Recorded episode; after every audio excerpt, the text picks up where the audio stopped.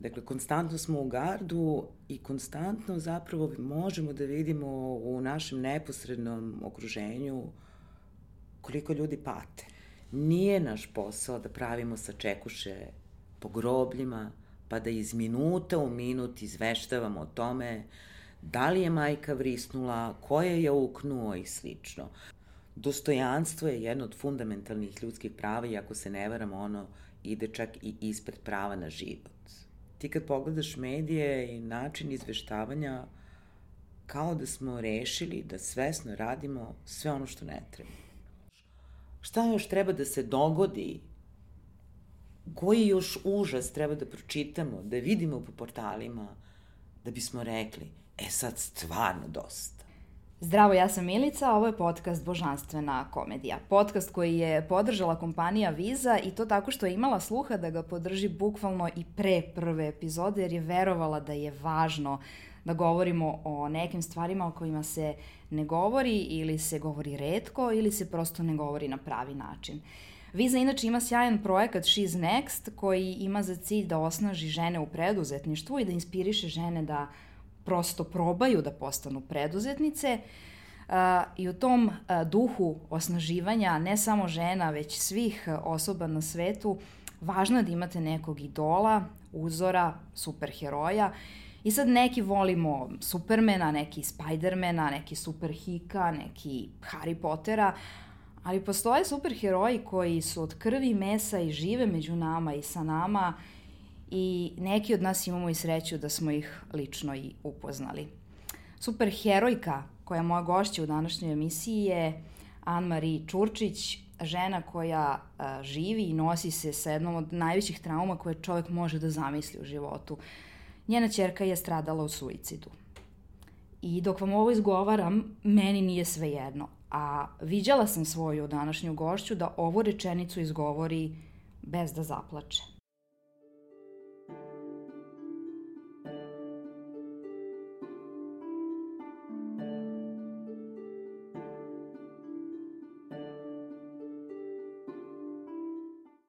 Prvo, hvala ti što si došla u ovaj podcast. I, i ja se tebi zaista divim i divim se toj snazi i to je u stvari ne moje prvo pitanje u ovom podcastu, to je moje večito pitanje za tebe. Odakle ti ta neljudska snaga da takve stvari ne preživiš, nego da od njih napraviš nešto smisleno? Pre svega, hvala ti na pozivu i stvarno si me ganula, a da budem ovaj, u skladu sa onim što si malo čas navela, udahnuću duboko, jer ne želim da zaplačem, ne zato što bih eh, se stidela svojih suza, nego da bih nekako stavila i samoj sebi do znanja da mogu, da mi je potrebna svetlost i da kroz sve ono što radim, od kako nam se dogodila ta tragedija, radim u znak poštovanja, ljubavi, kako prema Mariji, koju svi mi nosimo u srcu, tako i prema Jeleni, njenoj mlađoj sestri, mom velikom malom heroju, a njoj se zaista neizmerno divim. Kako pronalazim snagu, mislim da nekada to nije toliko ni stvari izbora. Zapravo izbor je jako sužen. Ili ćeš da plivaš, ili ćeš da potoneš. Zvuči vrlo to crno-belo, nije zaista tako, ali prosto su moje životne okolnosti takve da ja sebi iz x, x, y razloga ne mogu da dozvolim da potonem.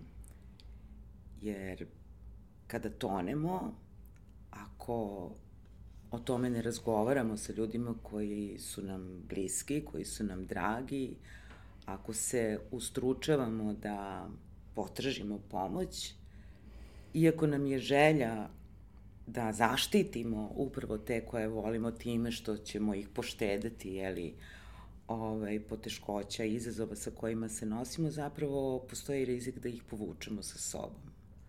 A ja to sebi nikako to ne smem da dozvolim, što ne znači da kada se to nekome drugom desi, ja i takođe imam žute minute i teške trenutke koje ne delim ni sa kim, pa nekad ni sa svojim psihoterapeutom, što nije dobro, ali svi se tu negde učimo, ne treba da osuđujemo sebe, ali treba uvek da pokušamo da nađemo tu neku unutrašnju snagu, da, da, da, da pronađemo da pronađemo tu neku svetlost u mraku. Ja drugačije ne umem da funkcionišem.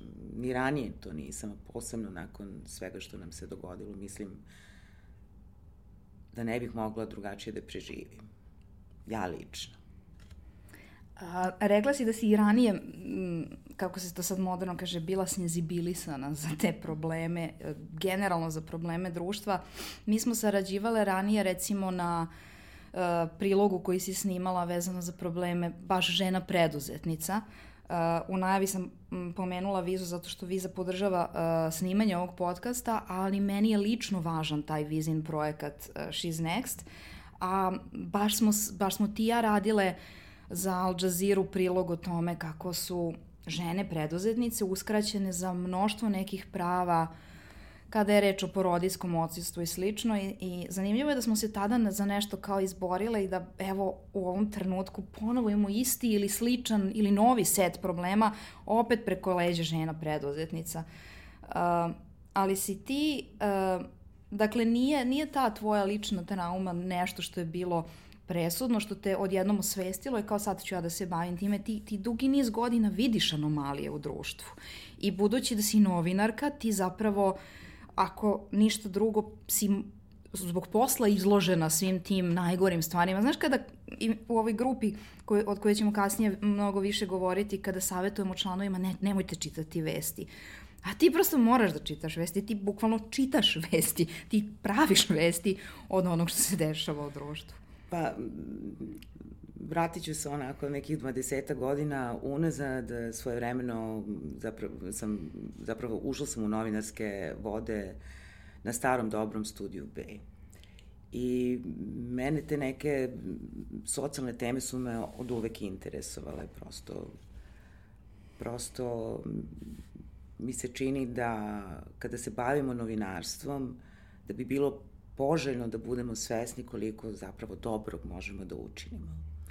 Naravno, danas živimo u jednom poprilično turbulentnom svetu i vremenima, o našem društvu da i ne govorim, jer unazad 30 godina smo konstantno u nekom stavu garda, jeli? Treba da se čuvamo, bilo od sankcija, bilo od ratova, eh, bilo od bombardovanja, pa onda tranzicije do današnjih smutnih vremena kad više ne znamo gde udaramo, ni zašto udaramo i šta još čekamo, pa da ne zaboravimo i period korone, pandemije koronavirusa. Dakle, konstantno smo u gardu i konstantno zapravo možemo da vidimo u našem neposrednom okruženju koliko ljudi pate. U našem komšiluku, Kada odete u prodavnicu, posebno danas, sa ovom skupoćom, pa kad pogledate penzionere pred onim vitrinama za meso, pa kada vidite penzionera koji se nečka da li će kupiti 100 grama neke šnicle ili će prosto odustati od toga jer ne može to sebi da priušti, hajde da vidimo na koji način možemo da pomognemo, da to ne bude puka demagogija. Hajde da vidimo gde škripi sistem i na koji način, ukazujući na problem, znači novinari, niti bilo ko od nas kao pojedinac nismo mi svemoćni, ali ako smo dovoljno uporni, ako želimo da ukažemo na neki problem, postoji mali milion načina na koji i kao pojedinci ili kao grupa pojedinaca okupljenih oko neke ideje možemo da ostvarimo. Pa hajde da delamo, hajde da jeste naš novinarski posao jeste ono, mi smo talali i naratori svojevrsni, ali zaista možemo mnogo toga da učinimo. I svoje vremeno, dakle, na studiju B su me zvali Ana Socijala, što dovoljno govori o tome da li sam senzibilisana na tu temu ili ne. Ali generalno mislim da je to, da prosto treba da pođemo na samih. Možeš da učiniš mnogo toga na mikroplanu, a kamoli na nekom širem. A, do duše potreban je neko da pokrene, da generiše. U slučaju ove naše male zajednice, koja više nije tako mala, koja se zove Za tebe važno je, Uh, ti si osoba koja je pokrenula uh, Facebook stranicu ili grupu, mislim da je grupa bila grupa, prvo, grupa. pa je stranica došla kasnije, ali grupa je i dalje okosnica i ona je, ona je važnija, ovaj, prosto aktivnija. Dakle, za tebe važno je bilo nešto što si potpuno sama i lično pokrenula i u jednom trenutku shvatila da to prosto prevazilazi tebe. Ne samo zbog tehničkih delovanja na Facebooku, sad svakog dana treba nešto pročitati, pregledati, odgovoriti, nego zato što je ta grupa u stvari ukazala kolika je potreba u celom regionu, ne samo u Srbiji, za nekim mestom, za centralnim mestom koje ima veze s mentalnim zdravljem. Apsolutno. Dakle, sama grupa za tebe važno je to, hiljadu puta sam rekla i nemam problem da to javno kažem, je nastala iz lične potrebe. To je neki moj lični put kako bih rekla, prolaženja i isceljivanja nakon doživljene traume, nakon na, doživljenog gubitka. To je moj način da nađem tu svetlost u mraku koji za sobom ostavlja gubitak. To je moj način isceljenja. Uh, malo čas si rekla, sama činjenica, evo, Facebook grupu i Instagram nalog u ovom trenutku prati skoro 30.000 ljudi iz celog regiona. I kao što si malo čas navela, to je samo jedan u nizu dokaza koliko su nam potrebni prostori da razgovaramo. Samo da nas neko čuje. Ne moramo ništa drugo da... Mi smo zaboravili da razgovaramo jedni s drugima. Mi ne slušamo jedni druge. Mi smo postali, prosto su vremena takva, užasno su se ubrzala. Mi ne dajemo sebi prostora da čujemo jedni druge, da promislimo o tome šta smo čuli. Na pitanje kako si, koja je ono floskula, pozdravna, jeli, redko ko zaista odgovori i kaže kako se zaista osjeća a da ne govorim o tome da ne samo mi u našem regionu, to je globalni problem u mnogim zemljama zapravo, mi nismo prosto ni vaspitavani da razgovaramo o emocijama, o pitanjima duše. Jer to je u suštini, kako bih rekla, ta kvaka 20. Pa hajde da pričamo o duši, hajde da pričamo o onome kako se zaista osjećamo i da nas ne bude blam hajde da slušajući i zaista čujemo jedni druge. Hajde da napravimo blagi otklon prema tim instant zadovoljstvima, instant nadražajima kojima su konstantno izložena, na primjer, naša deca. Mi nemamo više strpljenja ni, ni za druge, a boga mi ni za same sebe.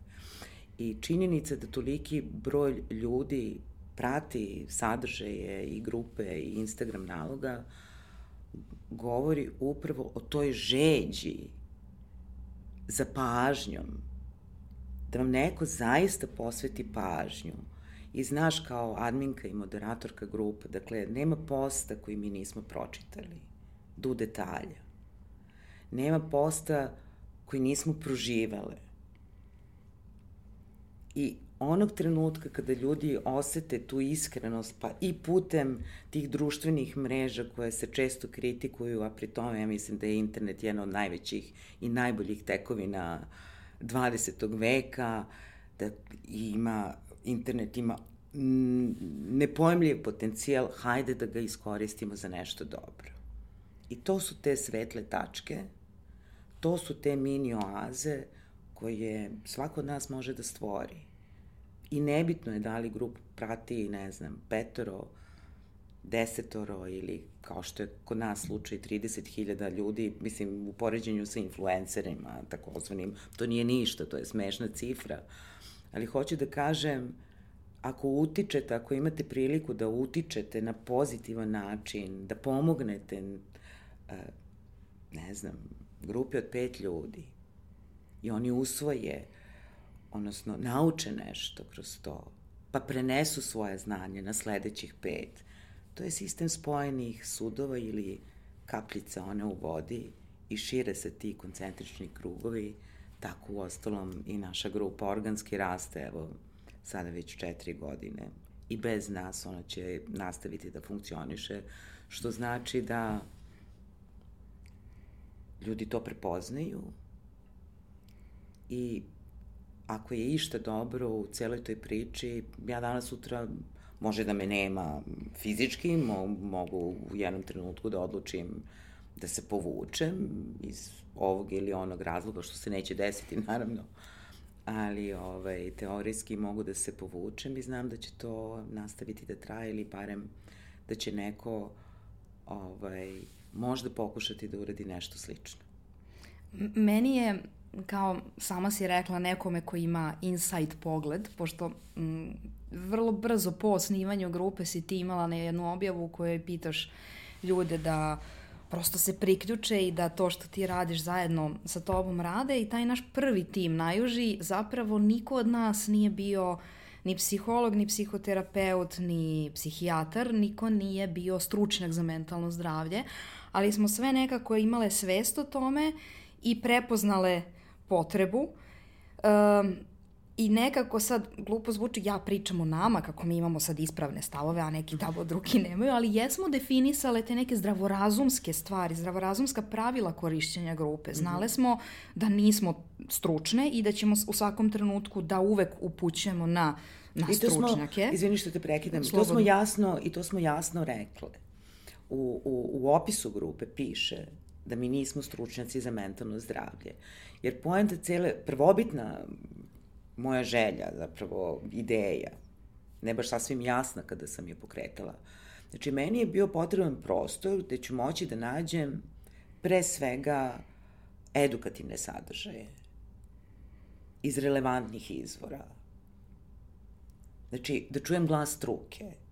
I to, eh, kad kažem edukativne sadržaje, ne neke naučne članke, nego nešto napisano jednostavnim jezikom koji može da razume tinejdžer ili tinejdžerka od, ne znam, 15 godina, ali koju mogu da razumeju i naši stariji sugrađani od 65 plus. To je suština. Hajde, mislim, jeste priča o mentalnom zdravlju, ali u, u, u, ja sam zagovornik teze da ono što je nama najviše potrebno jeste prevencija I u mentalnom i u fizičkom I u zdravlju. mentalnom i u fizičkom zdravlju, apsolutno. Mi na polju prevencije gotovo ništa ne radimo, a čini mi se da je ključ efikasne prevencije leži pre svega u edukaciji. Hajde da naučimo. Nije problem što ne znamo. Ne možemo sve znati, sve i da hoćemo. Ali nastaje problem onda kada ne želimo da nešto saznamo. Problem je kad ne znamo gde da potražimo živimo u zemlji gde, nažalost, niti smo dovoljno pismeni, a da ne govorimo o digitalnoj pismenosti ili medijskoj pismenosti, pa nam se sve i svašta provlači. Sve i svašta šerujemo, a da pri tome ovaj, u velikom broju slučajeva to budu notorne gluposti, najbliže rečeno, neka pseudonauka koja čini mnogo više štete nego što smo toga i svesni. To je suština. Mislim, e, vremenom se grupa za tebe važno je profilisala i kao grupa podrške, ali to je nije bio primarni cilj. Ja želim da, da na tri klika, pet klikova nalazim, pronalazim e, dobre, proverene sadržaje, edukativne sadržaje. Ja želim da, da na tri klika kada već govorimo o mentalnom zdravlju i evo pravim blagu digresiju ovom sistemu postojećem kod nas, dakle u Srbiji, ali bojim se i u regionu, svuda je to problem. Znači mi nemamo jedinstvene baze podataka. Meni samoj, koja sam, em sam novinar, pa sam ipak ono, imam više veština u odnosu na prosečne građane i građanke Srbije, ovaj, ima više znanja, meni je trebalo poprilično vremena da dođem do nekih elementarnih podataka. Da startuješ sad nekoga na ulici, da ga pitaš da li zna kako da potraži pomoć, gde treba da ode. Ja mogu da potpišem da minimum 70% to ne zna. Sticam, sad, sad ću reći jednu vrlo ličnu stvar. Sticajem srećnih okolnosti nakon tragedije sam ja znala kome da pokucam na vrata kada je struka u pitanju, kada su stručnjaci za mentalno zdravlje u pitanju. Ali to ne sme da bude pitanje sreće. Znači, ljudi ne znaju da je prvi korak odete u dom zdravlja, kuc, kuc kod lekara, opšte prakse odabranog, odabranog da. lekara. Izložite mu problem. Ka kao što biste otišli ako vas boli grlo ili nešto drugo. Upravo, ali ljudi ne znaju, ne, ne, ne, i to je jedan par rukava, što bi se reklo, a s druge strane, ovaj, bojim se da to malo ovaj, u poslednje vreme, posebno nakon, nakon pandemije koronavirusa, postaje malo trendi, kao sad ćemo mi pošto poto na psihoterapiju. Ne treba da idemo ni u patologizaciju nekih potpuno prirodnih emocija koje osjećamo kada smo suočeni sa nekim izazovima koji opet čine sastavni deo života svake ljudske jedinke. Treba naći neki balans, ali ono što je nužno to je da u roku od odmah budemo, budemo u mogućnosti da dobijemo potrebne informacije gde kome se obratiti ukoliko nam je potrebna pomoć ili gde potražiti neki savet. Nedostaju nam savetovališta. Mislim, svašta nešto nam nedostaje, ali ono što nam ne nedostaje, to je da možemo da iskoristimo potencijal interneta i da dođemo do dobrih informacija koje nam mogu pomoći u datom trenutku. A, to, to je bio jedan od primarnih ciljeva grupe, takođe uopšte zagovor za mentalno zdravlje. Mm -hmm E, grupa je uspela da izgura uh, mekim pritiskom, da tako kažem, uh, usvajanje nacionalne strategije o javnom zdravlju, koja u praksi ne, se ne dešava naročito, ali hajde neki kao prvi korak je, je učinjen. Uh, grupa takođe izvlači te edukativne sadržaje o kojima govoriš i oni se prevode opet zahvaljujući volonterkama iz tog najožeg kora i objavljuju na, na sajtu grupe za tebe važne.org, je li tako? E, važno je .org. Važno je .org. Mada što, što se sajta tiče, tu smo malo, ovaj, tu smo malo posustali, zato što Facebook grupa i volontiranje, moderiranje jedne grupe sa 19.000 plus članova je težak posao. To je i zaista a mislim da to da, da toga nekada ljudi nisu svesni uh, koliki je to posao. Na dnevnom nivou, znaš i sama, nekada i bude i na desetine objava. Svaku tu objavu treba pročitati, pogledati, proceniti. Nekada su neke objave triki, mogu biti uznemirujuće za članove grupe, nekada su prosto neadekvatne. Ne sme se gubiti iz vida da članovi slobodno mogu da komentarišu, znači admin tim i moderatorski tim se ne bavi samo postovima koje članovi ali, dele u grupi, već i svakim komentarom. Mislim da to najviše gube iz videa, šta vam je teško da pročitate nešto i odobrite ili ne odobrite. Najviše vremena odlazi upravo na kontrolu komentara, jer iz nekog razloga, uh, i, iako smo, mislim, dosta uradile u smislu edukacije članova, pominjala si mm -hmm. par puta tu edukaciju, mi sada već imamo vrlo svesne članove koji reaguju možda i pre nas na neke neadekvatne mm -hmm. komentare. A kad kažem neadekvatne, to ne mora nužno da bude e, neka vrsta uvrede ili, ili tako nešto. Može da bude potpuno pogrešan komentar koji će osobu koja ima problem da gurne u pogrešnom pravcu ili da ne podaštava nečiji problem. To je, mislim, kod nas Srba, ajde, ne znam kako je kod drugih naroda, ovde sam odrasla i živim, pa znam kako je kod nas, ali ta relativizacija problema je mhm. nama najčešći problem, mislim. Znaš, kad se neko i požali, a onda me aj šta ti fali? Imaš ovo, imaš ovo, imaš ovo i sad zatrpamo pravi problem na koji se neko požali jer mu je teško, jer eto ima to, to i to. Pa znaš, to je kao kad bi nekom rekao, boli me grlo, aj šta pa možda trčiš. Znaš, kakve veze ima jedno sa drugim?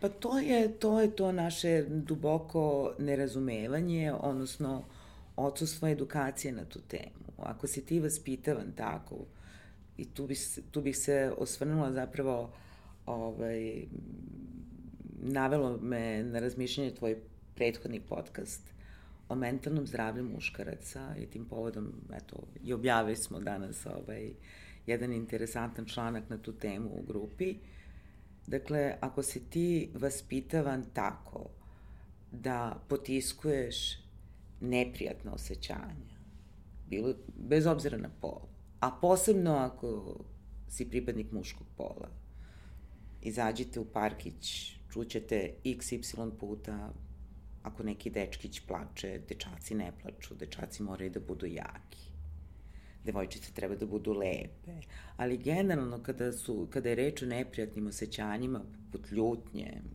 ne znam, tuga, tuge, gađenja i slično, to su stvari o kojima ne razgovaramo. Ćuti trpi. Jer može uvek Ignoriši, gore. može uvek gore.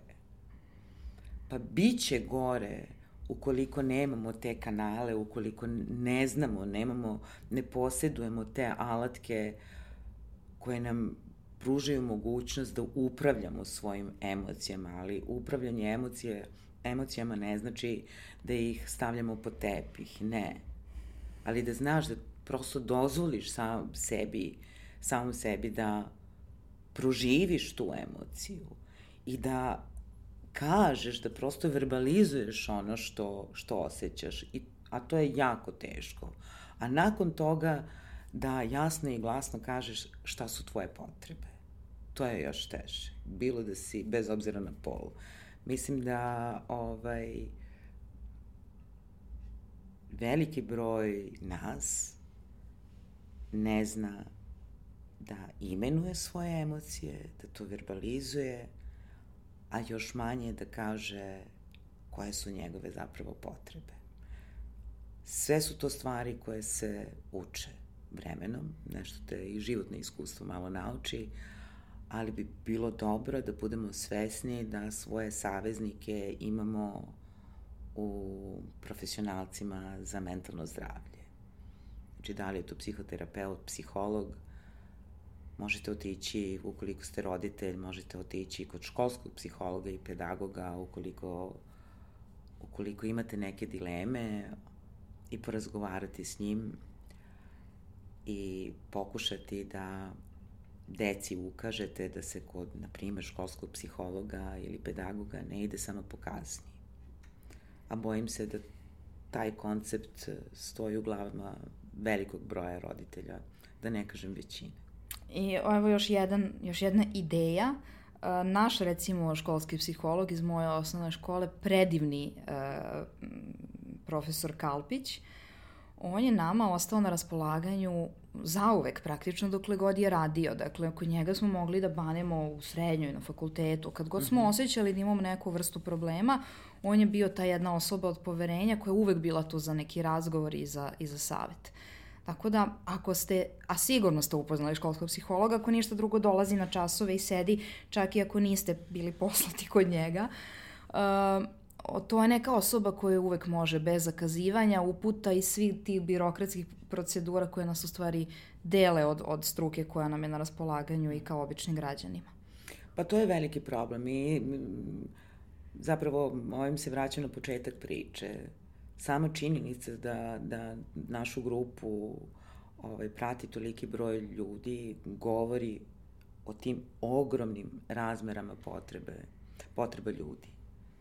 Nama su prostori, potrebni prostori gde ćemo moći slobodno, bez straha da će nas neko osuditi da će nam reći, ma preteruješ, pusti to, uhvati se nečega, ne znam, uzmi kopaj ili lopata ili šta god, bavi se nekom fizičkom aktivnošću pa će to da te prođe samo od sebe. Ne, neće me proći samo od sebe. Ali želim da, da, da, da, da, da imam osobu od poverenja s kojom mogu da podelim svoje iskustva, da potražim savet i da se zbog toga ne osjećam loše. Ako smo suočeni sa nekim izazovima, misli, svi mi prolazimo kroz različite vrste izazova, ok je da to nekome kažemo. Nismo mi ništa slabiji u odnosu na druge, na druge ukoliko imamo ukoliko imamo bilo poteškoću ili poremećaj mentalnog zdravlja. Ne. Dakle, mentalno zdravlje um, je nažalost čini mi se i dalje se percipira kao nešto abstraktno, nešto što je odvojeno od nas samih. Nije. Čini deo nas samih, podjednako kao i fizičko zdravlje. I hajde onda da se malo pokrenemo, hajde da razgovaramo malo više o tome, hajde da rušimo stigmu, hajde da rušimo predrasude, hajde da rušimo negativne stereotipe, hajde da pokušamo da ne lepimo ad hoc etikete jedni drugima, Nažalost, evo sad govorim iz novinarske perspektive, naš javni diskus je upravo takav koji e, takav da dodatno doprinosi stigmatizacija osoba koje se nose sa poteškoćama, odnosno sa izazovima mentalnog zdravlja. Dobro, e, da, pričale smo više puta da je naša trenutno novinarska etika, mada to nije zapravo adekvatan izraz, jer etike najčešće nema kod naj... Mm čitanijih um, medija, um, ona je takva da prosto um, zbog klikova na portalima, zbog neke čitanosti, zbog neke gledanosti je zaista postala beskrupulozna. I sad, um, jedan nivo beskrupuloznosti je kad, na primer, ne znam, kurir je, uh, to je čuveni slučaj sa suda koji je kurir izgubio pa je morao plati oštetu, ali je navodno odšteta bila takva da je tiraž bio mnogo veći, prodati tiraž mnogo veći od njega, da je ova hrvatska pevačica Severina uh, imala neki svoj privatni video koji su oni objavili neovlašćeno, pa su zbog toga zapravo tuženi i, i osuđeni zbog, zbog toga. Uh, Međutim, to je izolovan incident, a ono što se dešava stalno, bukvalno svaki put kada se desi bilo kakva tragedija, uopšte ne mora da bude suicid u pitanju, može da bude neko ko je na neki način stradao. Mi danima čitamo o tome kako se to desilo, pa se opisuju detalji, pa se ide na vrata kod porodice, pa se ode na sahranu, pa se tamo ti ljudi slikaju, bez ikakvih skrupula, bez ikakve prim, primisli da možda to nije u redu bez ikakve ideje da se staviš ti u cipele tog nekog ko je preživao tu, tu tragediju, možda bi trebalo u tom trenutku da se on ostavi na miru. Po definiciji ti znaš to bolje nego ja. E, novinari bi trebalo da pričaju informacijama od javnog značaja. E pa sad to je vrlo, to je pitanje koje često i sama postavljam kolegama. Da li je zaista, evo, samo da posmat, kad bismo pogledali šta se sve objavljivalo u poslednjih nedelju dana. Između ostalog, desila se jedna strašna uh, saobraćena nesreća u Novom pazaru, gde je jedna mlada devojka, devojčica od 15 godina, poginula u saobraćene nesreći. To jeste vest. I nije sporno. Da se odmah ogradim. Ja nisam preterani konzument, nikada, ne preterani, nego nikada nisam ni bila konzument hronike,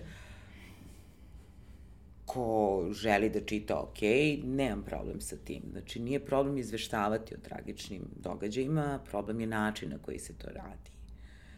Da li je zaista informacija od značaja za javnost znati koliko je metara letelo telo nastradale osobe u saobraćenju nesreći.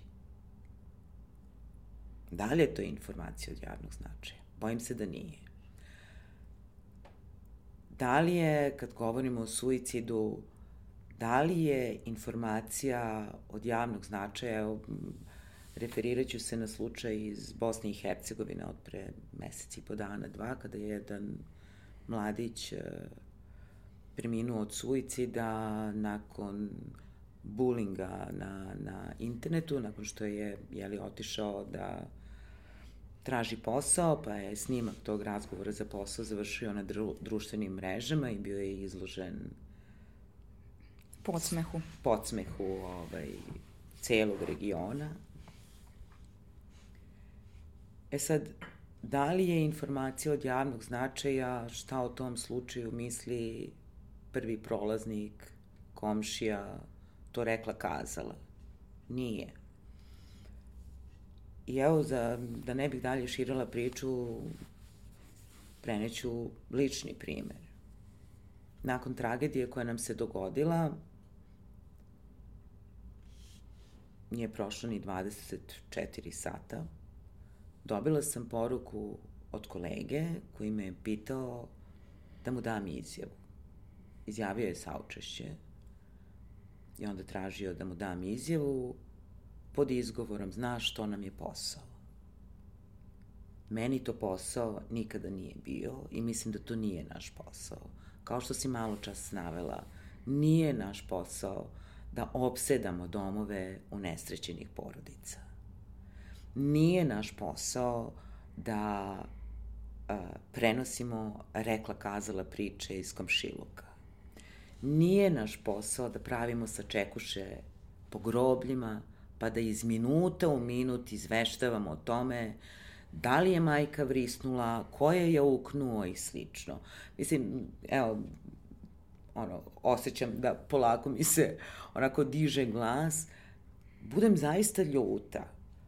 Ja prosto ne mogu da shvatim kako je moguće da smo sebi dozvolili da prolazimo odnosno da se pravimo blesavi, da zabijamo glavu u pesak na činjenicom da se time konstantno na dnevnom nivou imate na desetine primjera, posebno po portalima informativnih medija, gde se krši ne samo etički kodeks novinara Srbije, krši se zakon o medijima i javnom informisanju, krši se ustavom garantovano pravo građanki i građana na dostojanstvo i privatnost. Dostojanstvo je jedno od fundamentalnih ljudskih prava i ako se ne varamo, ono ide čak i ispred prava na život. Moramo biti svesni kao novinari, kao konzumenti medijskih sadržaja, kolika je, odgovor, koliko, kolika je odgovornost na nama. Novinari bi morali biti svesni dalekosežnih posledica koje mogu imati ti senzacionalistički tabloidni naslovi koji po defaultu prate tragične događaje, ma koje vrste.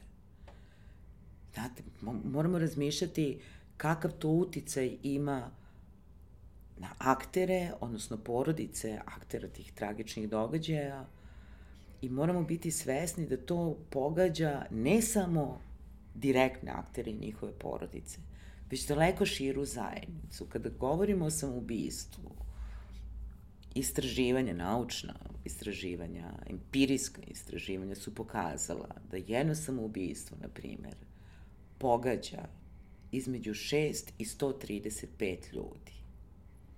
E sad, ako imaš u vidu da na godišnjem nivou, prema podacima Svetske zdravstvene organizacije, na primer, uh, to su podaci za 2021. koji su izneti jeli, u oči 10. septembra Svetskog dana prevencije suicida ove godine. Dakle, u 2021. Uh, u svetu je registrovano 703.000 slučajeva samoubistva. Dalje, podaci Svetske zdravstvene organizacije kažu da je na jedno samoubistvo ide 20 pokušaja samoubistva. Kad već koristim brojke, opet u brojkama, pomnožite brojke. To je više od 14 miliona ljudi. Na tih 14 miliona ljudi pomnoži sa 6, odnosno do 135 i onda će, onda prosto možeš shvatiti... To, to su užasne brojke koliko su to velike brojke. ugrožavamo direktno, to moramo da budemo svesni kao novinari, tabloidnim izveštavanjem, pra, realitizacijom tragičnih događaja, direktno ugrožavamo živote onih koje bi zapravo trebalo da štitimo. Novinari bi trebalo da rade u interesu javnosti. Koji je interes javnosti da zna da li je to zaista informacija od značaja za javnost, kako je bila obučena jedna majka u trenutku kada je policija zvoni na vrata da bi joj saopštila da je sin, da je dete preminulo. Da li je informacija od značaja za javnost da na svom portalu objavite snimak unesrećenih roditelja nad telom deteta stradalog u saobraćenoj nesreći. Koji je benefit, šta, kao, šta ja kao konzument takvog sadržaja time dobijam? Šta više do, možeš da dobiješ samo neprijatne e, emocije. Možeš da dobiješ neprijatne. Nije problem da izveštavati o tome, ali da li si, na primjer, ako su saobraćene nesreće u pitanju, ok, vest je da se dogodila neka tragedija. Da li si ti pokrenuo priču o tome ili pokrenula priču o tome koliko je bezbedan saobraćaj na tom mestu? Da li je potrebna dodatna signalizacija? Da li nam su nam na ulicama Srbije, na drumovima, putevima potrebno, da li, su, da li nam je potrebno više saobraćene policije? Da li treba postavljati radare na svakih 5 kilometara? Da li treba pooštriti sankcije za nepropisnu vožnju? Mislim, hajde da se bavimo kako sistemski možemo mm -hmm. da mhm. unapredimo stvari. O, ono što... Jer to bavljenje, izvini što te prekidam, to bavljenje, posebno kada je reč o, o, o, o, o tragedijama poput ubistava ili slučajevima suicida, mi se bavimo pojedinačnim slučajevima Ali, mi se, se, ali se bavimo fe... na pogrešan način. Na pogrešan način. Pogrešnim stvarima u toj celoj stvari I se bavimo. Ne bavimo se otklanjanjem, ukazivanjem na sistemske propuste. Evo drugi primer, onaj užasan intervju informera sa višestrukim silovateljem kojeg i dalje možete naći na YouTube-u. Digla se velika prašina.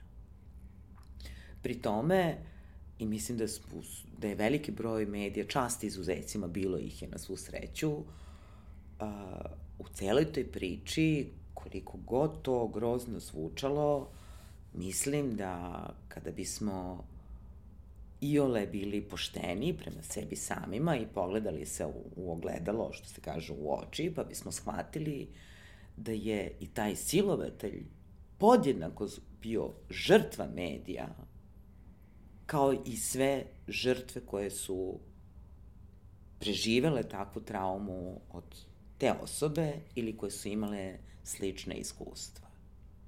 Mediji su svesno, između ostalog, pravili atmosferu linča. Sviđalo se to nama ili ne, čovek je odslužio svoju kaznu. Našao se na slobodi. Malo ko se bavio problemom odsustva sistemskog rešenja za takve slučajeve. Ja mogu da nabrojim medije na prste jedne ruke. Mhm, mm isto. I to je problem. Znači, ja ne znam kada je to prestalo da bude važno a, da između ostalog mediji imaju i tu neku edukativnu ulogu. Mi moramo biti svesni da utičemo na zajednicu, da smo mi kreatori tog javnog mnenja, da mi utičemo na to kako će o određenom problemu, ne znam, šta god, kako će na to reagovati javnost. Mi možemo ukazati na to. Na nama je to da uradimo. Mislim da je to lakši put za čitanost. Mm, ja razumem da svi živimo od novca i da broj klikova podrazumeva oglašivače, a da svi uh, mediji žive od oglašivača.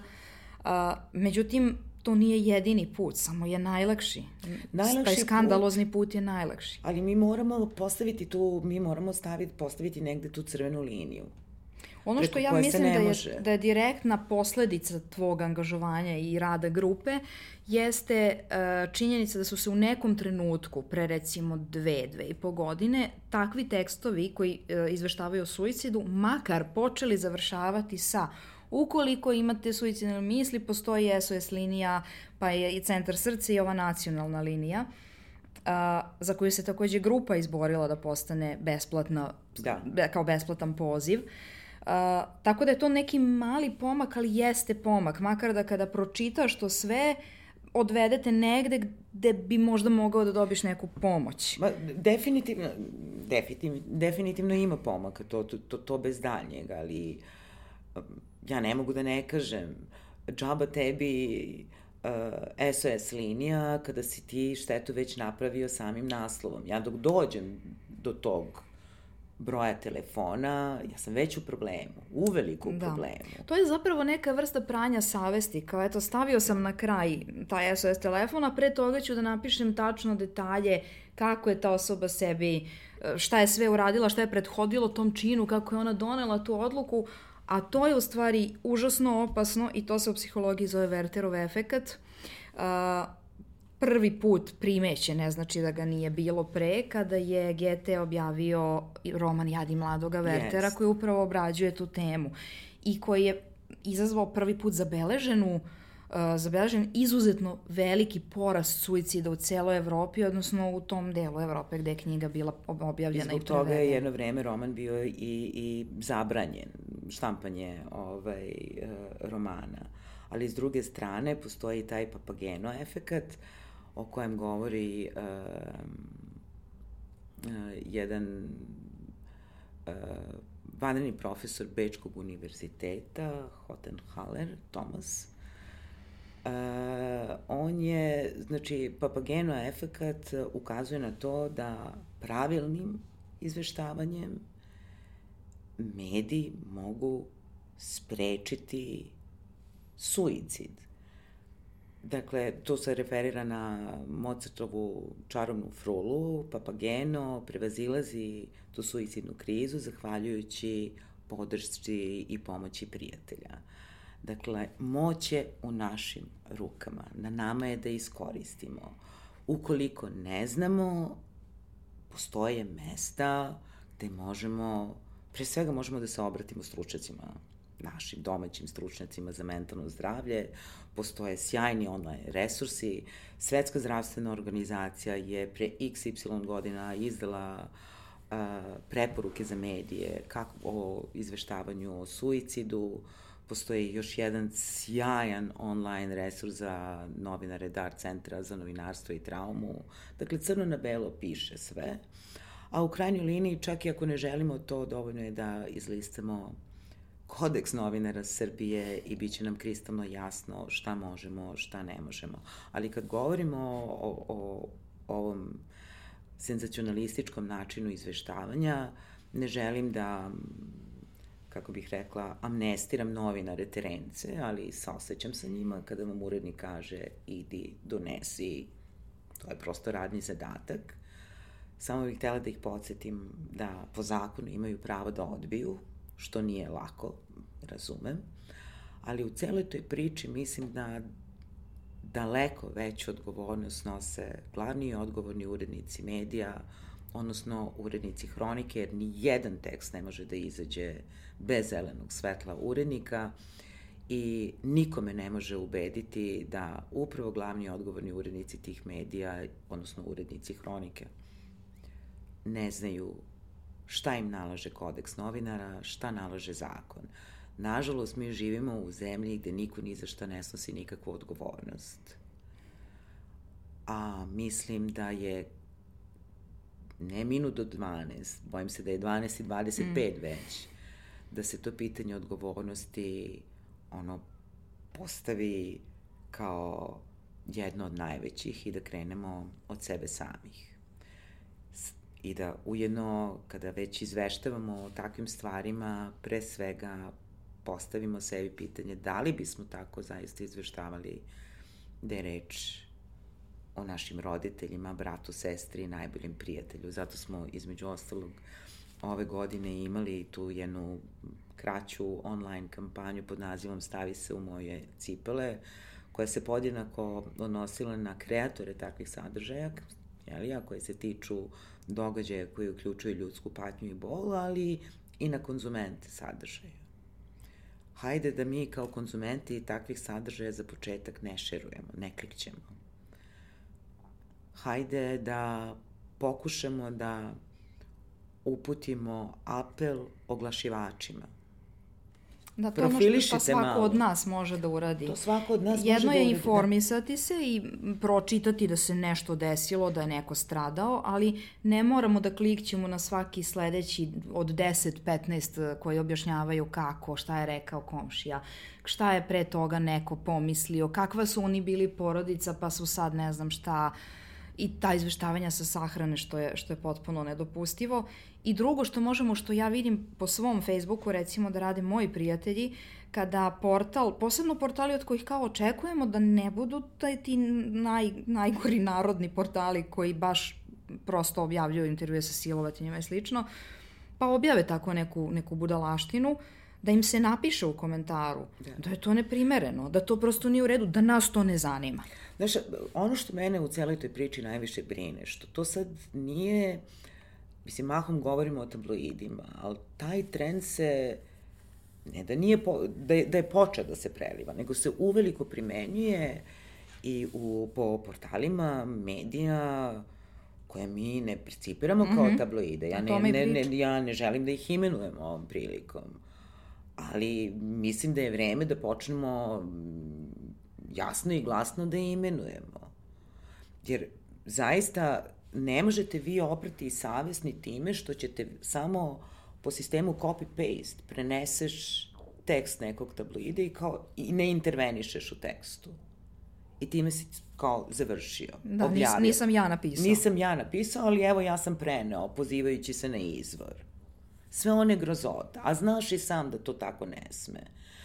Uh, ako je jedini način da opstaneš na tržištu koje jeste surovo, bez danjeg, taj da ćeš da zarađuješ najviše na rubrikama hronike, što bojim se da je slučaj kod nas, onda mislim da svi mi koji smo u medijima treba debelo da se zapitamo o kvalitetu naših ostalih sadržaja. Da li je moguće da ti nemaš ni sa čim drugim da privučeš pažnju?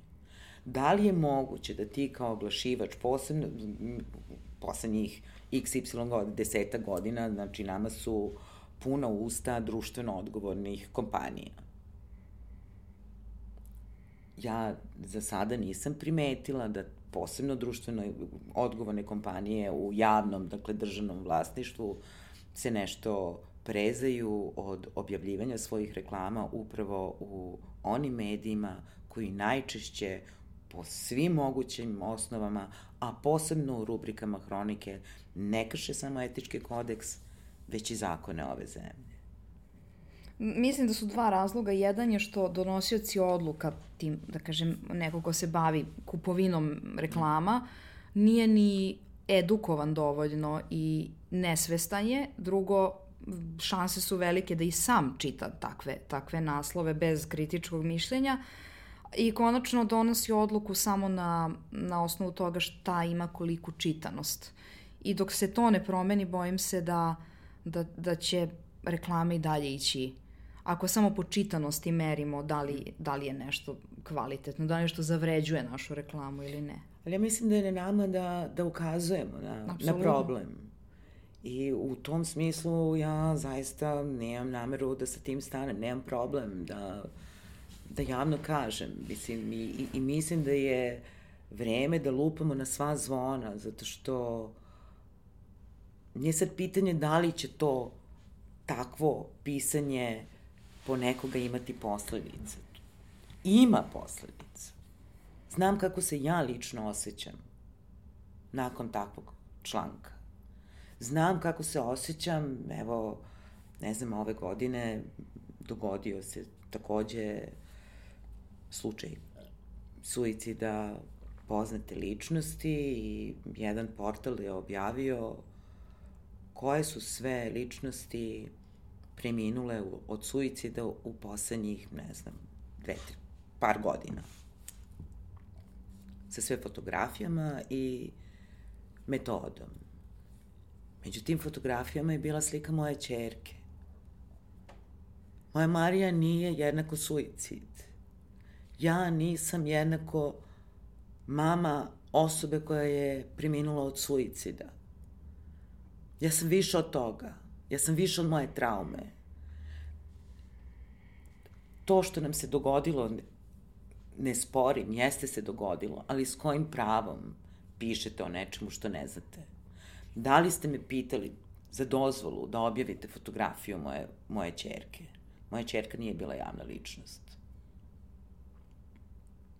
S kojim pravom ulazite u intimu, u privatnost osoba o kojima pišete? S kojim pravom objavljate detalje tragedija? S kojim pravom objavljujete video snimak ubijstva? S kojim?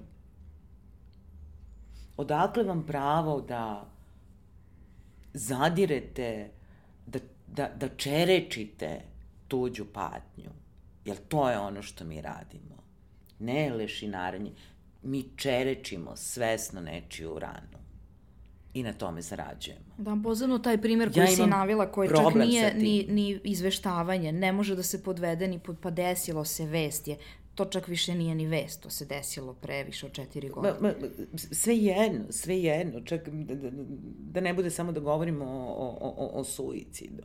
Bilo koja tragedija Šta nam je cilj? To je da. pitanje koje sebi pa, postavlja. Pa evo, pomenula Šta? si Verterov efekat kod suic, kod izveštavanja o suicidu. Postoje mnoge studije koje do, tvrde, dokazuju da objavljivanjem detalja o načinu suicida ti bukvalno daješ inspiraciju nekome ko se nosi sa suicidalnim mislima da možda eto baš na taj način pokuša. Daješ recept. Daješ, daješ recept, recept da, daješ, daješ, ti bukvalno si odgovoran za posledično još nečiji život, nečije živote zapravo. I za nečije živote posledično retraumatizuješ sve one koji se nose sa gubitkom, takozvanim preživalim suicida, retraumatizuješ osobe koje su prošle kroz slične iskustva, daješ recept, ali mi se ne libimo. Znači, mi idemo do takvih detalja da je to stvarno užasno. I kada izveštavamo o, o, o saobraćenim nesrećama, pa to je, to, je, to je prestrašno. Znači, nama je postalo sasvim, mi očekujemo zapravo, dotle smo došli, da ne samo da očekujemo, nego se podrazumeva da vest o nekoj saobraćenoj nesreći gde je neko stradao. Da ima i slike. Foto, video. Da. Šta je poenta toga? Možda da se pitamo što je uzrok uh, tome, jer pričale smo o tome kako mi svi zajedno kao kolektiv, ne samo mi u Srbiji, nego mi svi u bivšoj Jugoslaviji, imamo tu jednu kolektivnu traumu, odnosno niz trauma, ajde da pričamo samo o sebi pa unazad, imamo ovu globalnu traumu pandemije. Pre toga smo imali tranziciju, pa smo pre toga imali bombardovanje, pa smo pre toga imali Bosnu, sukobe u Bosni, sukobe u Hrvatskoj, u Srbiji nisu direktno bili tenkovi koji su pucali, ali smo imali i inflaciju i, i glad i taj, to je to jedno nasilje i kriminal ne na ulicama. Ne samo inflaciju i glad, koliko Znači, nema nikoga iz, mog, iz moje generacije koliko njih se skrivalo po podrubima da ih ne bi našla vojna policija. Apsolutno. I sad smo imali u tom, šta je kao možda najmanje mm. bitan mm. detalj, a ako mene pitaš užasno važan, postoji ona scena u filmu Lepa sela, lepo gore, mm. kada Nikola Kojo gleda dnevnik. Mm -hmm. I gleda, gleda, gleda i onda ustane i ode u rat. Jer je to bila jedina poenta te propagande. To nije bilo informisanje, to je bukvalno mm. bila propaganda. Uh, pa dnevnik traje umesto pola sata, ne znam, sat i pa to nije dosta, pa ide dnevnikov dodatak i mi u dnevnikovom dodatku, da bi se vajda opravdao taj rat i to nasilje, mi onda gledamo neke stradale u nekim eksplozijama, tela, delove tela, to, to, to su baš bile užasne scene. I mi nakon toga zapravo smo možda navikli da gledamo užasne scene. Mi smo možda prosto senzibilisani za nasilje više nego neki normalni ljudi. Mi ovako traumatizovani svim tim decenijama. Pa, svakako pretpostavljam da gradimo neku vrstu rezilijentnosti, otpornosti na to nekako, ili što bi se ovaj, kolokvijalno reklo, oguglali smo na neke stvari, ali bojim se da uh, to oguglavanje, pod navodnicima, sa sobom nosi posledice kojih nismo svesni. Evo, ako sedneš u auto, pogledaj kako vozimo i koliko vičemo sa volanom, koliko smo nervozni u redovima, u prodavnicama. Znači, nekada imam utisak da smo, da se bližimo tome da budemo kao mini tempirane bombe. Od gomile frustracija koje ti nemaš gde da kanališeš.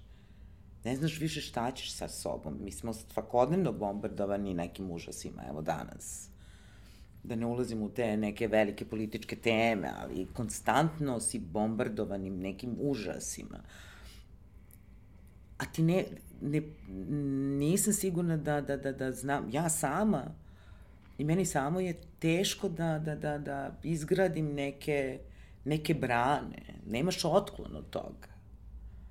Znaš, postaneš indiferentan, s jedne strane kao prag tolerancije se spušta, pa kao sve može, ako sediš i gledaš TV, vrtećeš te kanale i sad ti više nije problem da gledaš na TV-u neke užase i da istovremeno kao klopaš, uredno, pa dobro, onda red reklama, pa ćemo nešto drugo. Mislim, sve, a sve te nagomilane frustracije, svi ti izazovi s kojima se nosiš, nemaš s kim o tome da razgovaraš,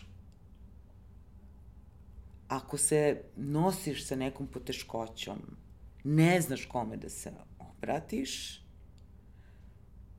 ili ti, čak i ako znaš, ne možeš sebi to da priuštiš, i onda smo u problemu.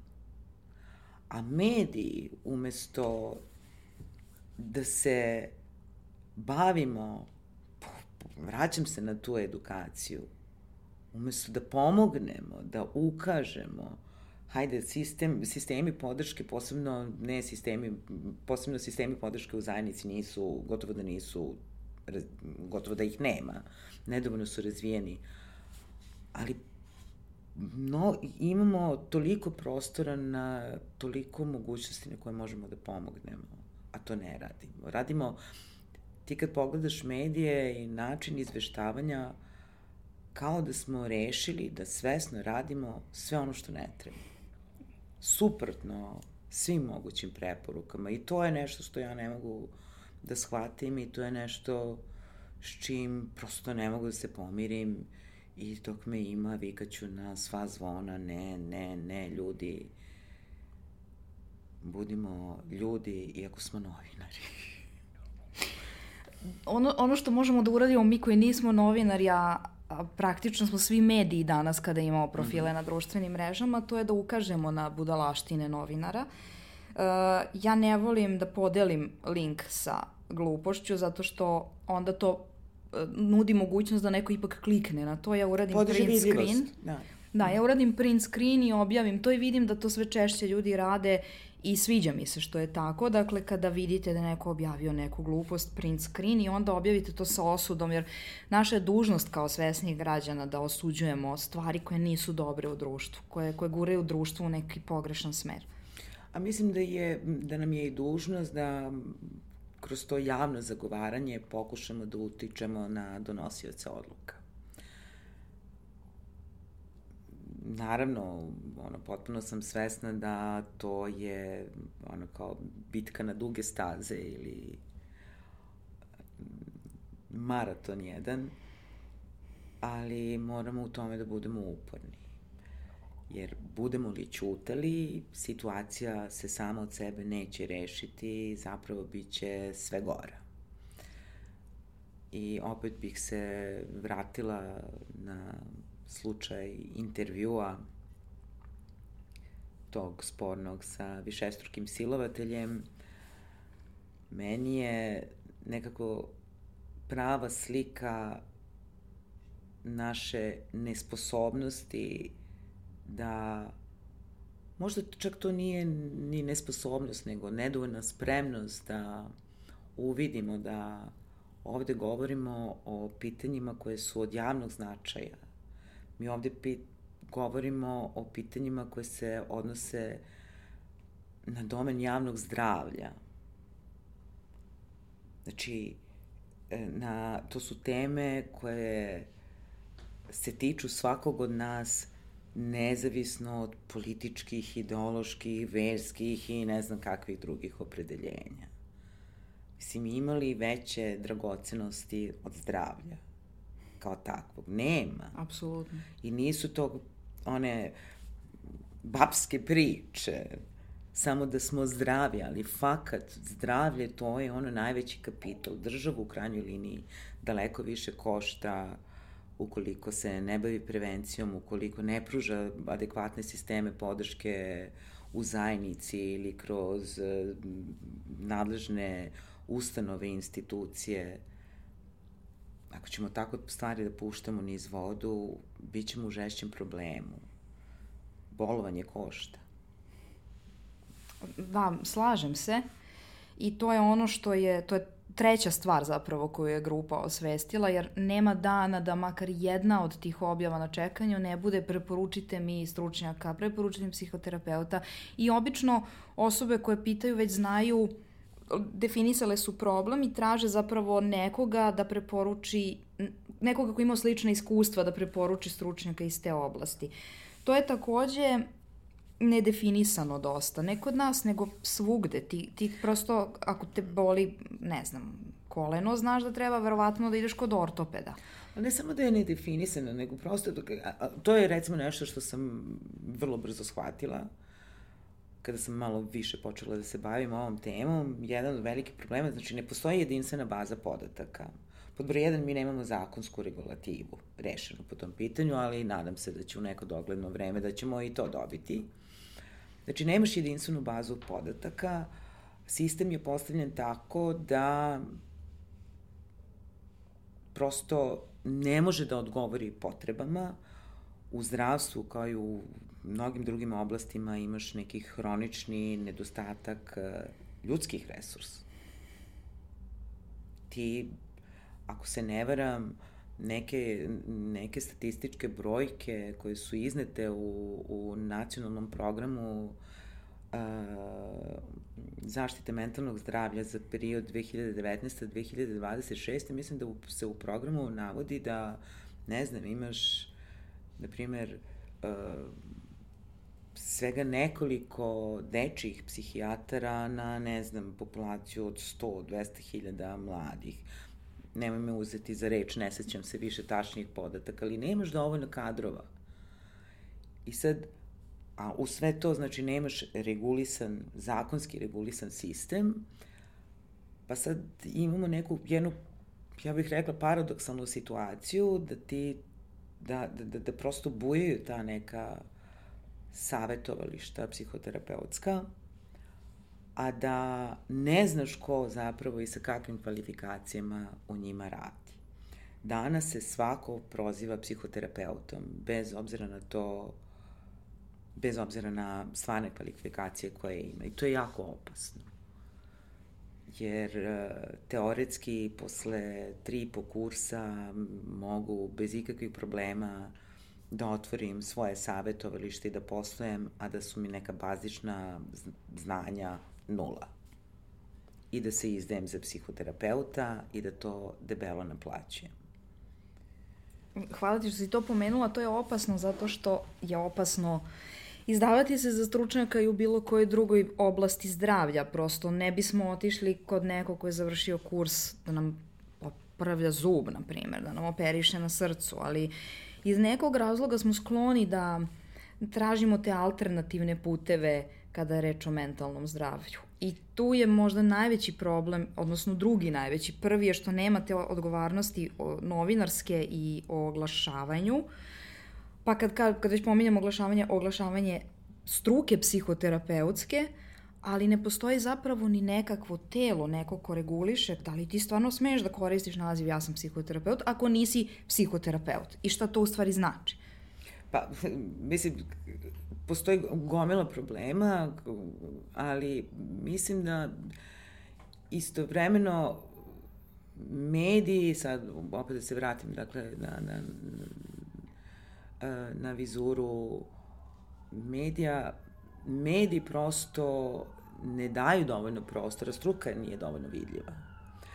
Ali nije samo, ne, ne mogu samo da ne mogu da prebacim odgovornost isključivo na novinare, ni sami profesionalci nisu dovoljno agilni i mislim da bi i njima trebalo da bude barem podjednako stalo da budu vidljivi.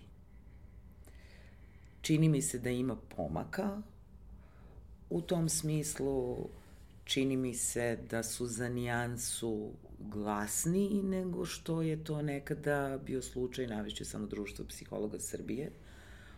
I to zaista mislim da je za pohvalu što se u nekim situacijama i te kako oglašavaju. E sad, drugi par rukava koliko će medija to preneti, ali se ipak, čini mi se, češće čuje glas struke.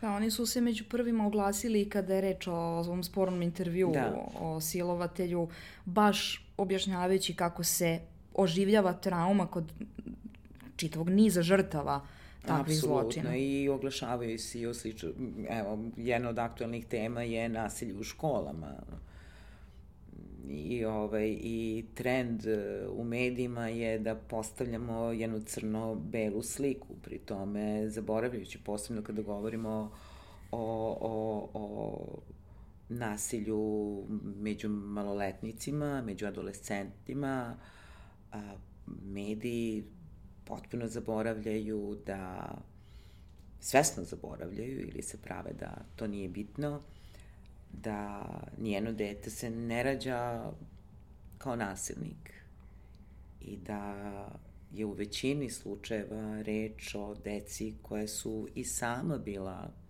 žrtve nasilja. Ali je činjenica da mi živimo u nasilnom društvu. Naš javni diskurs je nasilan. Mm -hmm. Izrazito nasilan. A da nas pri tome čini mi se ne da nas ne uči, nego mi ne znamo ni da imenujemo sve oblike nasilja. Ne, ne prepoznajemo Ne ga. prepoznajemo, ne prepoznajemo verbalno nasilje kao, na, kao vid, kao oblik nasilja. Ne prepoznajemo psihičko nasilje kao vid nasilja. Emocionalno nasilje kao vid nasilja. Ne znamo šta je to, ne prepoznajemo ga. Ne govorimo o tome.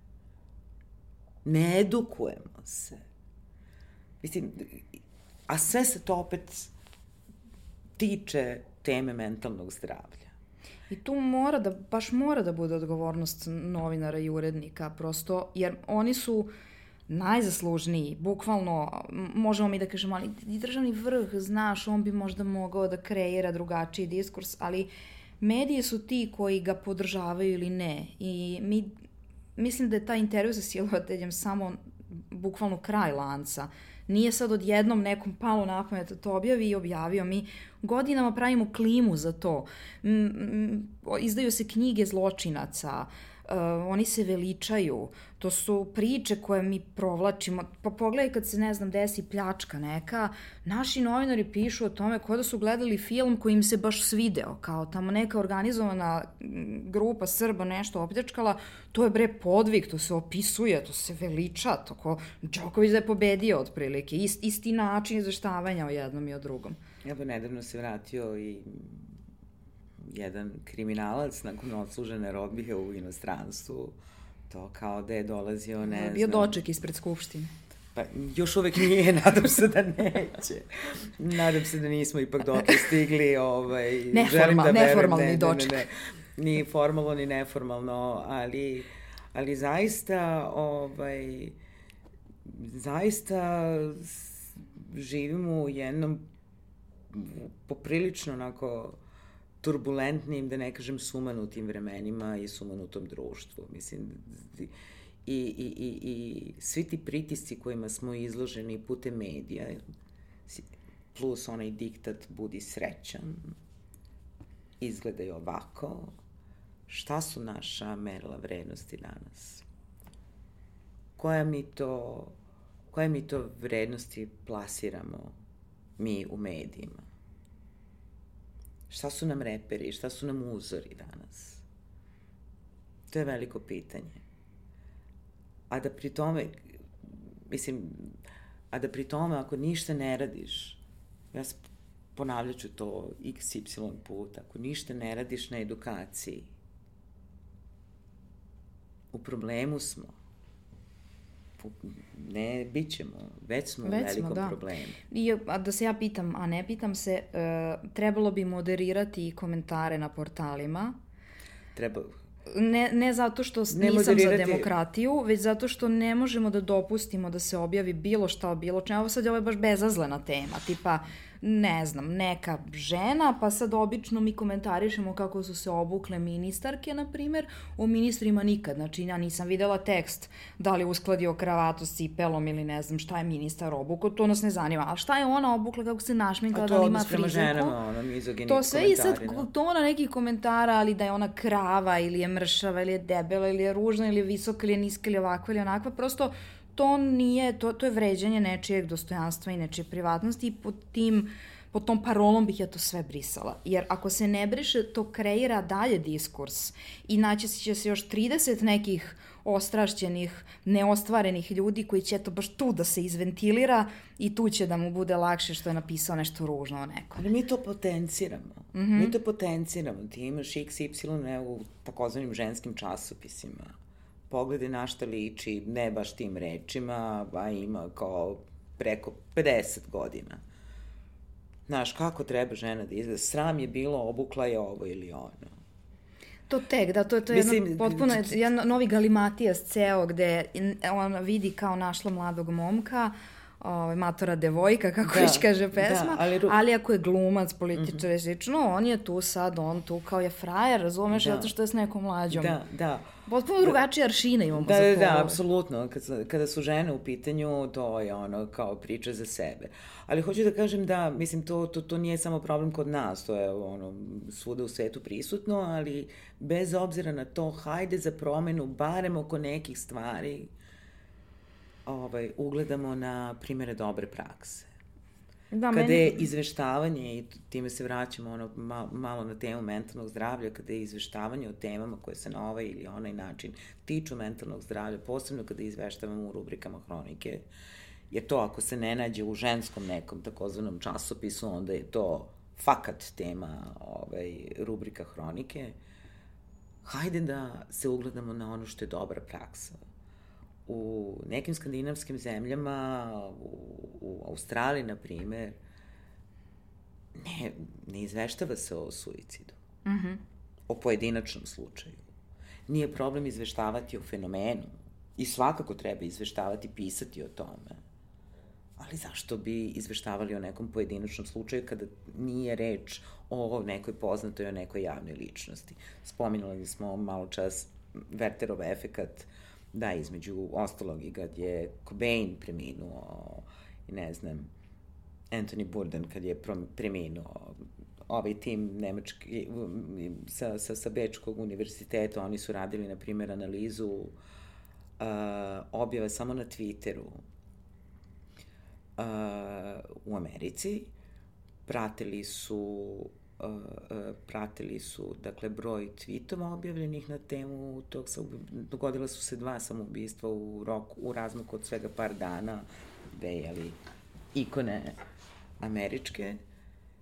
I ispostavilo se prema zvaničnim podacima statističkim američkim da je stopa suicida nakon toga zaista porasla samo u roku od dva meseca. Hajde da definišemo, a mislim da nam za to ne treba neka preterana mudrost, hajde da postignemo taj takozvani društveni konsenzus oko nekih pitanja koje se tiču svakog od nas. Pa glasala ja desno ili levo. Ona nesrećna, onaj nesrećni pokušaj uh, održavanje uh, sednice odbora za kulturu i informisanje povodom, opet se vraćamo na taj sporni intervju sa silovateljem, mi je negde paradigma naše nespremnosti da uvidimo da, je, da su neka pitanja od važnosti za svakog od mm. nas, jer se svako od, na, svako od nas se može naći u takvoj situaciji. I koliko god to zvučalo kao fraza, tragedije se dešavaju svakome. Meni se desilo nezamislivo. Ja i dan danas nemam odgovor na pitanje kako je moguće. Saobraćene nesreće se dešavaju svakog dana sa tragičnim ishodom. Bukvalno izađete na ulicu, u sekundi može da vam se dogodi neka tragedija. Hajde oko tih stvari koje uključuju ljudsku patnju i bol, hajde da povučemo tu crvenu liniju. Nemojmo dozvoliti da, ne smemo biti indiferentni prema tome. Ne smemo zabijati glavu u pesak pred devastirajućim posledicama koje takvo izveštavanje može imati po aktere, ponavljam se, aktere tih događaja ili članove njihove porodice kao i širu zajednicu. Boli me kad pročitam to. Boli me kada prepoznam to. Boli moju čerku. Boli tebe ako si doživala, to zaista boli, fizičku bol osjećaš. Ako pri tome kao novinar si svestan, znaš da živimo, nažalost, u zemlji u kojoj nema dovoljno razvijenih sistema podrške. Pa nemoj to raditi. Šta ti to znači? Da li ti meni direktno upiraš pištolj u glavu? Mislim, biću, bi, biću gruba, ali to se na to svodi. Snosiš odgovornost za svaku napisanu reč, tačku, zarez. Snosiš ti direktno odgovornost. Mislim, da li je moguće da, da nas nije briga, da nas se to ne tiče? Ja ne želim da verujem u to. Mislim, grupa mi pokazuje, mm -hmm. Facebook grupa za tebe važno je pokazuje koliko, nam je, koliko su nam te stvari važne. Nemojmo dozvoliti, mislim, tu kada možemo da delamo, da, da, da, da, da uradimo dobru stvar, hajde da je, hajde da je uradimo, mislim. Meni nekada to zbog mogućih negativnih asocijacija ovaj, neću učiniti, ali zaista mi ponekad dođe da ne znam, da organizujemo neki performans, da postavimo nas u centru Beograda, ne samo Beograda i po drugim sredinama, ogromne plakate, bilborde sa naslovnicima, sa naslovnicama gde su ono najeklatantniji primeri potpunog kršenja svih mogućih pravila pa da vam to stoji umesto novogodišnje jelke. Hajde mm -hmm. da mhm. napravimo tako nešto. Pa da vidimo reakcije ljudi. Da, nevrovatno Znaš, je... nekako, ja, ja zaista ne znam šta je još, šta još treba da se dogodi, koji još užas treba da pročitamo, da vidimo po portalima, da bismo rekli, e sad stvarno dosta. Postojeći da. tu na slučaj Monike, Znači, mi smo videli fotografiju deteta u sanitetu. Znači, slučaj, to je slučaj otmice maloletne devojčice od strane višestrukog silovatelja. Kada je dete pronađeno, znači mi smo videli fotografiju deteta iz saniteta. Da li je neko odgovarao zbog toga? Ne. Mi smo pročitali do u detalje iskaz silovatelja. Meni je i dalje, uh, se pitam, ja pokušavam da shvatim taj proces donošenja odluke objave te fotografije, gde je prvo neko morao da je napravi, da je uslika, pa da je donese u redakciju, pa do tu redakciji bar još jedna osoba kaže super objavio, ovo je baš dobra stvar da se objavi. Prosto taj, znači više od jednog čoveka je učestvovalo u donošenju odluke da ta fotografija treba da se objavi bez uopšte razmišljanja da će to dete da se vrati u školu, da će sva, svi roditelji, deca, okruženje čitati to što si pomenula. Prava, prava deteta se, ja mislim da su prava deteta jedna od najčešće kršenih prava u ovoj zemlji. Redovno se radi, to radi. Redovno se to radi, evo sad, u slučajevima izveštavanja o, o, o nasilju, nasilju u školama. Mi otkrivamo identitet te dece bez ikakvih problema. I šta misli ovaj i šta misli onaj. Bilo je, evo, pre dve nedelje,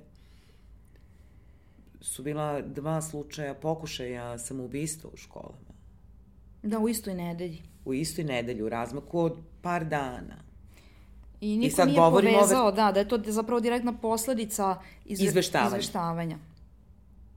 Mi smo između ostalog saznali u koju školu ide to dete, pročitali smo izjavu direktora i šta misle vršnjaci. Nigde nisam pročitala, odnosno čast izuzecima, možda mi je promaklo, ali svi oni koji su furali one velike naslove, užas, jezivo, detalji i tako dalje, ovaj, ni u jednom tekstu ja nisam videla mišljenje nekog stručnjaka. Pa kad ćeš da pozoveš stručnjaka, nekog profesionalca, da ti govori ako ne sad? Šta ti je tema?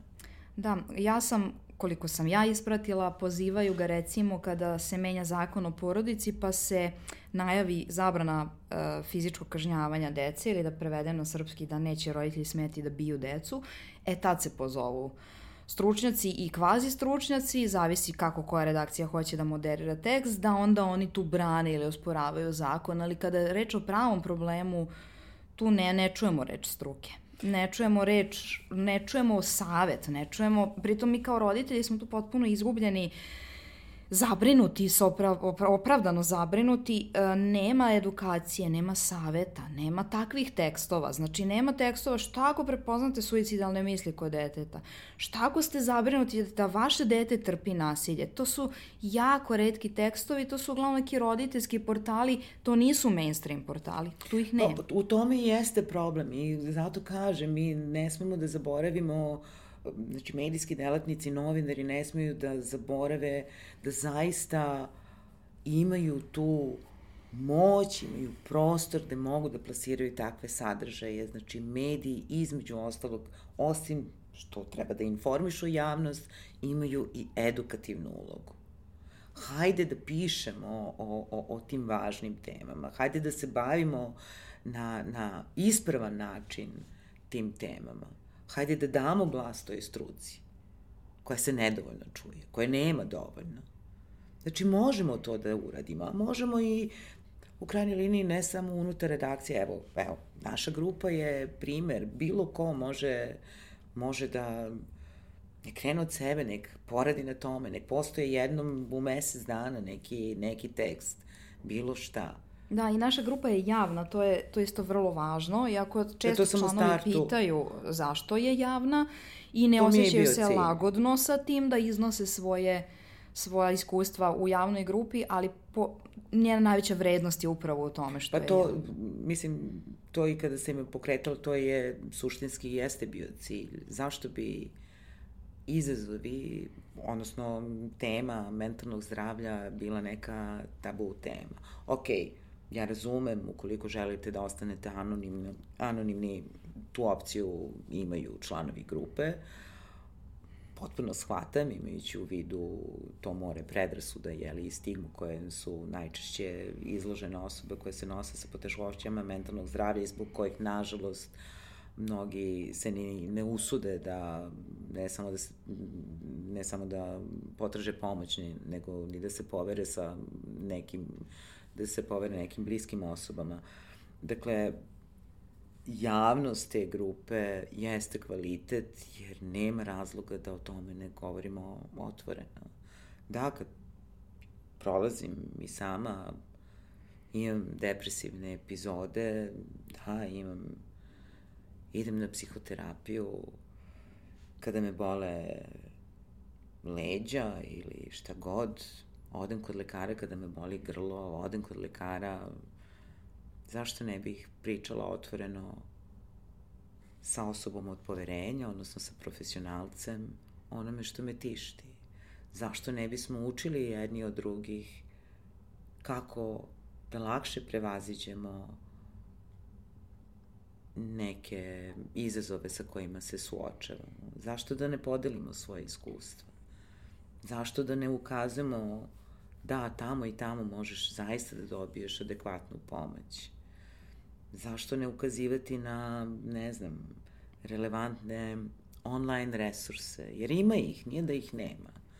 I zašto ne bismo, kada već se bavimo tuđim životima, a mi se ovde baš bavimo tuđim životima, dakle mi nismo švedsko društvo koje je rezervisano i poštuje privatnost, pa pitamo kad će deca, što nisu, kad će drugo dete, kad ćeš se udaš, kad ćeš nešto, znači sve se mi bavimo.